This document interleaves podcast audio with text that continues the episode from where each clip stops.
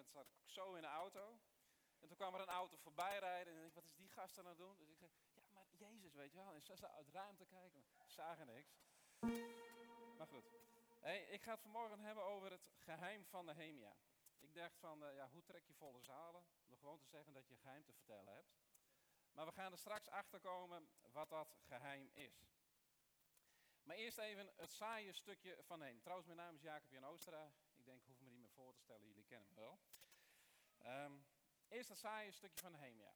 Nehemia, dat is echt een geweldige gast. Die man die leeft 545 voor Christus. En hij is opgegroeid, zeg maar, in Babel. Dus dit, is, dit verhaal speelt zich 100 jaar af na de Babylonische ballingschap. Dus dat het volk, zeg maar, uit Israël en Juda is weggevoerd naar Babel. En de hele generatie, dus ook Nehemia, is opgegroeid in Babel. Nou, Nehemia die heeft het best wel ver geschopt, want hij is wijnschenker en wijnproever bij de koning. Nou, wie wil dat nou niet? Dan denk je van, ja, wat is dat nou, wijnschenker, wijnproever? In die tijd was het zo, als je de koning of wie dan ook maar uh, vermoorden wou, was een handig uh, middel om zijn eten of zijn drinken te vergiftigen. Nou, en Nehemia die was ervoor om dat te voorkomen. Nehemia had ook het bestuur van een heel groot gebied in zijn handen. Maar veel meer nog dan dat, het was dat Nehemia, die was vertrouweling van de koning. Als de koning iets had, koning, de Perzische koning Artaxerxes, als die iets had, dan was Nehemia daar voor hem, zeg maar. Nou, dan beginnen we in Nehemia 1, vers 1. En daar staat uh, Nehemia, de zoon van Gagalia. En is Nehemia, die is in de burcht Susa. Susa is een van de hoofdsteden van Babel. En er kwam een van zijn broers, die kwam bij hem. Ganani. En dan staat er, want weet je wat het is? Nehemia die heeft nog steeds een hart voor zijn volk. Ook al is hij opgegroeid, zeg maar, in uh, Babel, hij heeft nog steeds een hart, gaat nog steeds uit naar zijn volk. Net zoals ons hart uitgaat naar Friesland. Dus er komt er zijn broer bij hem, Ganani, en dan vraagt hij aan zijn broer, ik vroeg hun hoe het de Joden verging die waren overgebleven en een ballingschap hadden overleefd. En ik vermeerde naar de toestand in Jeruzalem. En dan vertelt Ganani, die vertelt hem, het gaat heel slecht met de mensen die de ballingschap hebben overleefd en die nu in de provincie Juda wonen. Ze zijn het mikpunt van sport, want de muren van Jeruzalem die, die zijn afgebroken en de poorten die zijn in vlammen opgegaan. Dan staat er, toen ik, Nehemia, toen ik dit hoorde, ging ik huilend op de grond zitten. Ik rouwde dagenlang, ik vastte en ik riep de God van de hemel aan. Het gaat heel slecht met het volk. Het gaat heel slecht met het volk. Weet je, twee maanden voor de bouwvak zijn mijn vrouw en ik, zijn met Open Doors, waren we in Irak. En dan heb ik op de puinhopen van Mosul gestaan. En jullie kennen allemaal die beelden wel van die kapotgeschoten stad, die droombeelden op televisie. Nou, ik denk dat Nehemia ook zo'n plaatje in zijn hoofd had. Een stad die kapot is, de stad van zijn voorouders, kapot. En er begint iets te groeien in het hart van Nehemia. En even later komt hij bij de koning. In hoofdstuk 2. En je moet je zo voorstellen, net zoals eigenlijk bij Esther, als Esther bij de koning wil komen, nota haar benen haar man. En ik stel me voor, die zit daar op zijn troon en heeft een toorts in zijn handen. En de toorts die blijft omhoog, dan is dat goed. Maar als die omlaag gaat, dan voorspelt dat niet zoveel goeds voor Esther. Net zoals in de Romeinse films, weet je wel, met een duim omhoog en een duim omlaag. Nou, in zo'n gebied opereert zeg maar ook Nehemia. Dus dan komt hij bij Nehemia, bij uh, de koning, om hem wijn in te schenken. En dan staat er in hoofdstuk 2, waarom kijk je zo somber? Je bent toch niet ziek? Er is vast iets wat je dwars zit. En dan staat er, ik schrok hevig. Ja, dat snap ik wel, als je de context begrijpt. Ik schrok hevig. En zijn majesteit leven in eeuwigheid. Hoe zou ik niet somber zijn? Als de stad waar mijn ouders begraven zijn is verwoest en haar poorten die zijn in vlammen opgegaan. En dan zegt de koning tegen hem, wat is je wens? Wat is je wens? En dan staat er weer, ik bad tot de God van de hemel en ik antwoordde de koning. Weet je wat zo gaaf is van Nehemia? Dat lees je eigenlijk het hele boek door. Nehemia die wil afgestemd zijn op God. Want na de woorden van zijn broer, het gaat heel slecht met Jeruzalem, dan staat er, ik vast en ik riep de God van de hemel aan. En het eerste wat hij doet, als de koning vraagt van, maar wat is je wens? Ik bad tot de God van de hemel. Weet je, bij mij is het vaak andersom. Ik ben met een plan bezig. En soms ben ik al halverwege of, of aan het begin. En dan vraag ik of God het nog wil zegenen. Maar Nehemia anders. Nehemia die wil afgestemd zijn op God. En tussen hoofdstuk 1 en hoofdstuk 2 is iets gegroeid in het hart van Nehemia. Hij wil bouwen aan Jeruzalem, aan de muren van Jeruzalem. Hij wil bouwen aan Gods koninkrijk. Dat staat er niet, maar zo interpreteer ik het even. En dan zegt hij ook tegen de koning op de vraag van wat is je wens? Dan zegt die koning, mag ik een, paar vrije dagen nemen? Mag ik een paar dagen onbetaald verlof nemen? Vakantiedagen, maakt me niks uit. Maar ik wil gaan naar Jeruzalem. Ik wil bouwen aan de muren van Jeruzalem. Ik wil bouwen aan Gods koninkrijk. En de koning die zegt, ga. En hij krijgt een aantal brieven mee van de koning om bij de grensposten te laten zien, zodat hij door kan gaan. Hij krijgt een paar soldaten mee in zijn kielzog voor zijn bescherming. Maar Nehemia die durft nog een stapje verder te gaan. Koning, als ik dan ga, mag ik dan ook wat hout mee? Mag ik wat hout mee voor die poorten en om deuren te maken en straks die deuren af te hangen in de poort? Eigenlijk vraagt hij om de zegen van de koning. Eigenlijk vraagt hij om de zegen van God. Dus Nehemia die luistert naar God. Er is iets geboren in zijn hart. Hij staat de vuren vlam en hij gaat. Maar hij vraagt eerst de zegen van God. En weet je wat de koning doet? Die zit op zijn troon, die pakt zijn dure iPhone en die belt houthandel Miedema hier in Leeuwarden. En vrachtwagens vol met hout krijgt hij mee in zijn kielzog. En zo gaat hij op weg naar Jeruzalem. Vol goede moed. En dan komt hij daar in Jeruzalem aan. Het staat trouwens niet op de PowerPoint. En dan komt hij eraan. En die nacht staat er, die nacht ging ik door de Dalpoort en langs de Drakenbron. En naar de Mestpoort en langs nog veel meer poorten. Over die muur om de muur te inspecteren. En via de Dalpoort keerde ik weer terug. En dan roept hij het volk. Weet je, het stadbestuur wist het niet. De priesters wisten het niet. Het volk wist het niet. Maar dan zegt hij, ik wil bouwen. Ik wil bouwen aan de muren van Jeruzalem. En hij zet het volk in vuur en vlam. En vol goede moed gaan ze met z'n allen gaan ze bouwen aan die muren van Jeruzalem. En het gave is, die leraar Engels, die zet hij voor, voor zijn woning neer om zijn stukje muur te bouwen. En die arts die werkt in het ziekenhuis, die zet hij voor zijn woning neer om, dat stukje muur te bouwen. En die man bij de plantsoenendienst, precies hetzelfde. Maar vol goede moed gaan ze in bouwen. Maar weet je, als je aan het bouwen bent voor Gods koninkrijk, dan kun je tegenstand verwachten. En ik weet niet hoe jij hier zit in deze gemeente op dit moment. En ik weet niet wat God jou op jouw hart heeft gelegd om aan te bouwen. Maar weet je, de grootste boodschap van God is: ga het diepe water op, ga vissen vangen. Ga bouwen aan Gods koninkrijk. En we kunnen dat niet alleen, we hebben iedereen daarin nodig. Dus als je hier zit en denkt: ja, weet je, ik, ik heb eigenlijk helemaal, ik weet eigenlijk helemaal niet waar ik aan moet bouwen. Weet je, het hoeft niet allemaal zo groot te zijn zoals Nehemia om een hele stad weer op te bouwen. Maar het kan ook gewoon in het klein. Je buurman, je buurvrouw of de bekenden, de mensen hier in deze wijk of de prostituees of noem het maar op. We hebben het al vaker genoemd. Maar we hebben jouw hulp nodig. En misschien zit je hier en denk je van ja, maar ik ben al aan het bouwen aan deze gemeente. Prachtig. Maar ook dan kun je tegenstand verwachten. Tegenstand van buitenaf en tegenstand van binnenuit. Want in vers 19 staat er, want toen Sambalat uit Bed Goron en Tobias een Amoritische dienaar en de Arabier Gesem dit hoorden, begonnen ze ons uit te lachen, te beschimpen. Zo van, wat zijn jullie hier aan het doen? Zullen jullie tegen onze koning in opstand komen? Weet je, Simbalat, die vertegenwoordigt in mijn beleving de duivel. En Tobia, die vertegenwoordigt het vlees. En Gesem, die vertegenwoordigt de wereld. En die drie, die spannen samen, zeg maar, om, om Nehemia en het volk en Jeruzalem aan te vallen. Maar ze laten zich niet kisten en ze zetten door. Ze gaan door met bouwen. En dan waar die leraar Engels eerst lekker aan het troffel is, dan heeft hij nu een speer in zijn ene hand en een troffel in zijn andere hand. En die arts uit het ziekenhuis, die heeft een, een schild in zijn ene hand en een baksteen in zijn andere hand. En vol goede moed gaan ze door. Maar de aanvallen die worden meer. En aanvallen die worden heftiger. Want in hoofdstuk 4 staat, toen Sambalat en Tobi, de Arabieren, de Ammonieten en de Adonieten hoorden dat het herstel van de muren van Jeruzalem vorderde En dat de gaten langzaam maar zeker werden gedicht, werden ze woedend.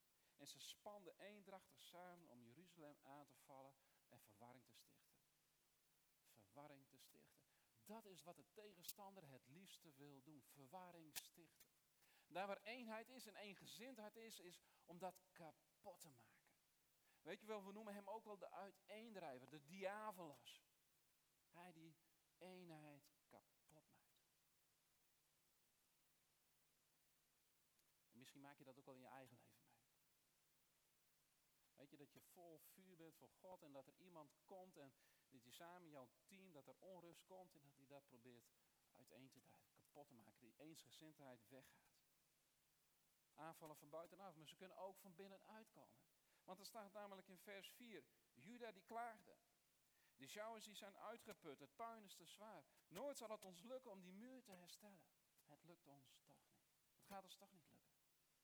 Weet je, we zijn hier aan het bouwen, deze prachtig mooie gemeente. En we willen een bepaalde campagne doen, maar weet je, het is zo zwaar, het lukt ons toch niet. Weet je wat Nehemia zegt? En daarom is Nehemia ook zo'n geweldige leider. Er staat in vers 8, wees niet bang voor hen. Maar denk aan de grote en geduchte Heer en strijd voor uw volksgenoten, strijd voor uw zonen en strijd voor uw dochters. Hoe gaaf is dat? Strijd voor uw zonen, strijd voor uw dochters. Hij zegt, hij is de Heer die gaat voorop in de strijd. Kom op mensen, we zetten door. En ze zetten door. Driftig gaan bouwen. Maar dan worden de aanvallen, die worden persoonlijk. Persoonlijk op Nehemia gericht. Toby en Sambalat en Gesem die nodig hem uit om in de tempel te komen. Maar Nehemia die weet, als ik dat doe, dan ga ik tegen de wil van God in. En dan sturen ze een brieven. Dan sturen ze eerst één brief, de eerste brief, vol met leugens, misschien opgebouwd met allemaal uit zijn context getrokken, eh, getrokken bijbelteksten, ik weet het niet. Vol met bedreigingen. En sturen hem nog een brief. En vervolgens nog een brief, want ze weten dat als het volk onderuit halen, als we Nehemia onderuit halen, dan staat de bouw stil. Op een gegeven moment sturen ze een open brief. En een open brief, moet je zo voorstellen, dan komt er iemand, weet ik veel, op een paard of zo aan, op weg naar Jeruzalem en heeft een brief in zijn handen. En dat is een brief die iedereen kan lezen. Dus het hele volk het aan het bouwen is, die kan lezen de beschimpingen aan het adres van Nehemia.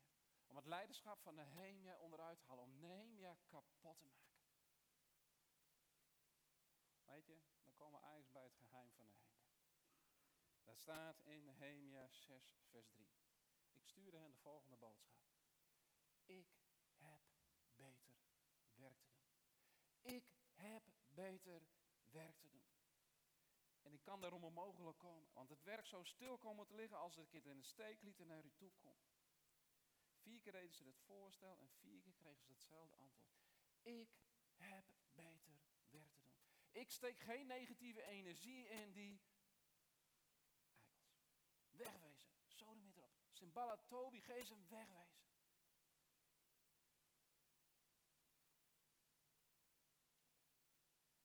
Het is nu, denk ik, drie jaar geleden. Ik heb het zo vaak verteld, het kan misschien een beetje emotioneel worden, maar mijn vrouw en ik, we gingen samen met Compassion gingen we naar Ecuador. We zouden daar een hagelnieuw Compassion project oprichten. Maar we wisten nog niet waar. En zo gebeurde dat wij in Lille aankwamen. Dat is een klein dorpje aan de Pacific Ocean. En we stonden daar op een heuvel en we keken over het dorpje uit met roestige daken, uh, plastic. Nou, het was eigenlijk gewoon één groot krotwijk, het hele dorp. En aan de horizon zagen we de zee. Dat was de inkomen van de mannen. De mannen die gingen bootjes de zee op met buitenboordmotoren die niet van hun waren, bootjes die niet van hun waren. Steeds verder de zee op door de opwarming van El Nino, dus ze kosten meer brandstof. En aan de horizon kapers die een bootje wouden stelen of een buitenboordmotor, zodat ze de rest van hun leven slaaf waren van de eigenaar. Kinderen in armen en verloeberde kleedjes, hetzelfde Afrika. En mevrouw en ik, we stonden daar op een heuvel. En we keken over het dorpje uit. En dat was alsof God zei van, dit is de plek. Dit is de plek waar ik wil dat jullie het nieuwe project stichten. En we stonden er met z'n tweeën en we proclameren ook dat the chains of poverty, that he may be broken in the name of Jesus. And that the new generation is a generation of hope. Nieuwe generatie, generatie van hoop. Dat de ketting van armoede mag worden doorbroken bij de jeugd. goede moed gingen we bouwen, net zoals Nehemia. En toen kwamen de aanvallen. Aanvallen van binnenuit, vanuit geestelijke leiderschap, vanuit Ecuador, maar ook aanvallen van buitenaf. We waren net een week thuis. Ik weet nog precies waar ik reed. Ik was ergens in Noord-Holland. En toen belde mijn vrouw. Vol, uh, hoe zei dat? Uh, emotioneel. Huilend. Postbode was geweest, had de brieven gegooid. Dus ze pakte de stapel met brieven op. En ze ging aan tafel zitten, ze opende de brieven en toevallig zaten net ons, al onze kinderen aan tafel. Dus ze opende de brief en het was een dreigbrief. We moesten stoppen met het werk van Compassion. En we draaiden toch alleen maar om ons. En als het niet om ons draaide, we moesten ons huis maar verkopen en onze auto maar verkopen. En allemaal dreigementen. Opgebouwd met bijbelteksten uit zijn context getrokken. Ik zou je vertellen, dat was een dreun in ons gezicht. We hebben vrienden uitgenodigd bij ons thuis. We hebben die woorden doorbroken in de naam van Jezus en we hebben die brief verbrand. En gingen vol goede moed verder. Duurde niet lang, toen kwam er een tweede brief. Maar die brief was nog wat erger. Ik ga je niet precies vertellen wat er in die brief stond. Maar het was zo dat onze kinderen, die konden niet over straat lopen zonder achterom te kijken. We zijn met die brief naar de recherche geweest. En ons huis kwam onder, ons huis kwam onder politiebewaking te staan. En onze kinderen die kregen een soort van speeddeal-knop op de telefoon. Dat als ze zich bedreigd voelen, dan kon ze politie bellen en de politie zou snel bij zijn. Het is een enorme impact op ons gezin. En toen kwam er een derde brief. En die werd deur aan deur aan deur aan deur bij ons in de straat verspreid. We zouden 800.000 euro hebben ontvreemd bij Compassion. Daar kunnen we niet eens aankomen. Daar hadden we ons huis van gebouwd. Dat was, had ik wel een groter huis gebouwd. En er zou een tv-camera, een tv-ploeg, die zou bij ons in de straat komen om het ware leven van de familie bloot te leggen. Maar het was ook de tijd van Nehemia 6, vers 3. Dat is de tekst die we lazen. Ik heb belangrijker werk. Weet je, en dat is de waarheid op dat moment. Ik, heb, ik steek geen energie meer in die persoon die ons pijn heeft gedaan. Ik belde Theo van der Heuvel, een goede vriend van ons, die is voorganger in de VBG in uh, Groningen. Had de brieven gelezen en zei, Jacob, dit heb ik het nooit meegemaakt. Hij zei, we gaan het vergevings- of eliminatiegebed bidden. Dat had hij kort ervoor had hij dat voor Henk gebeden. Het vergeving of eliminatiegebed. Wij vergeven deze persoon. En ik zal je vertellen, onder tranen hebben we die persoon vergeven in gebed. Maar ook een stukje eliminatie. Dit moet stoppen. Het weekend erna zat in Noorwegen. Een karakterweekend van uh, eh, 4M. Was daar een geestelijke lied en vlak voordat de deelnemers komen, gaan we meestal met een crew om een vuurtje zitten van, hey, hoe ben jij hier gekomen? Wat voor rugzak heb je meegenomen? En ze gingen zeg maar zo rond het vuurtje, totdat ik aan de beurt was. Ik zat echt te twijfelen, zal ik het ze vertellen? Het was net gebeurd. Maar aan de andere kant dacht ik van, weet je, ik ga het ook gewoon gebruiken dit weekend. Dus ik vertelde hun, ik zei van, het is net alsof er iemand een, een speer in je hart steekt, daar waar je hart zo vol van is. En, en nou, weet je, dat, dat je zo graag wil delen dat iemand daar een speren steekt. En er stond een van mijn crewleden, die stond naast me en die begon te huilen. En ik vroeg later aan me, hoe kan het dat jij zo emotioneel werd? En hij zei, Jacob, hij zei nog, ik had mijn ogen dicht terwijl je dat verhaal vertelde. En zei, en nog voordat je het woord speer in je mond nam. Hij zei, had ik een beeld in mijn hoofd, kwam er een beeld in mijn hoofd van een persoon die een speer in jullie rug stak maar ook een hemels ingrijpen en deze persoon die was weg. Weet je, en dat was voor mij het antwoord op het gebed samen met Karen en Theo. God die verhoort gebeden. En vanaf dat moment hebben we ook nooit meer last gehad. Echt waar.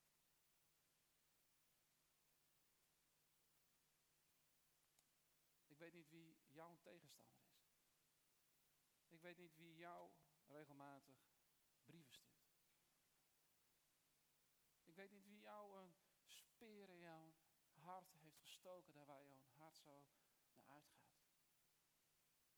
Is dat misschien van buitenaf? Is er iemand die in jouw leven jouw pijn heeft gedaan? Is Is er een persoon of een leraar of een sportleider in jouw leven geweest die dingen heeft gedaan met jou die niet mochten? Misschien van binnenuit. Je nooit een vader gehad die heeft gezegd van ik ben trots op jou. Jongen, wat heb je dit geweldig gedaan. Ben jij nooit op waarde geschat? Of heb je nooit een moeder gehad die jou een knuffel heeft gegeven en gezegd van, weet je, ik hou van jou. heb je vrienden in je omgeving die alleen maar naar beneden halen. Of vroeger misschien. Weet je, je doet er niet toe. Je bent waardeloos. Zijn er leugens over jouw leven uitgesproken? En vecht je misschien wel tegen stemmen in je hoofd dat je niet goed genoeg bent. Dat je lelijk bent. Of minderwaardig. Weet je, misschien luister je wel veel te veel naar Simballat, Toby of Gezen. Misschien luister je wel te veel naar het vlees of naar de wereld. Weet je,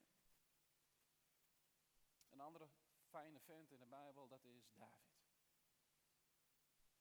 Muziek die mag naar voren komen. Een andere mooi gast is David. David, die is gezalfd als koning. Maar Saul, die is koning. En als Saul, Saul die wil niks anders dan David dood hebben. Dus op het moment dat Saul hoort dat David in de woestijn van Engedi verblijft, dan stort hij daar met 3000 van zijn beste mensen, stort hij daar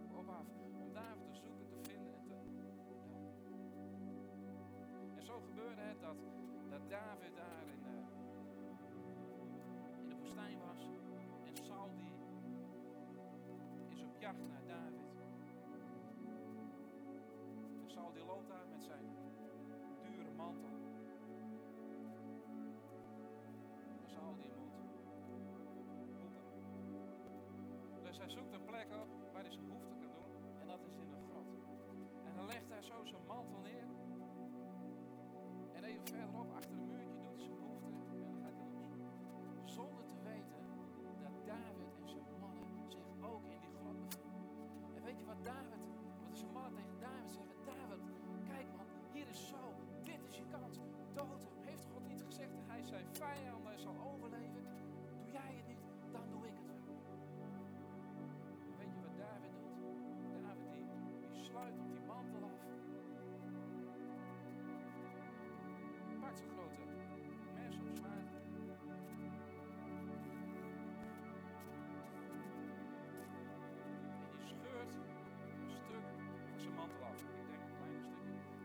Hij stu- scheurt een stuk van zijn mantel af.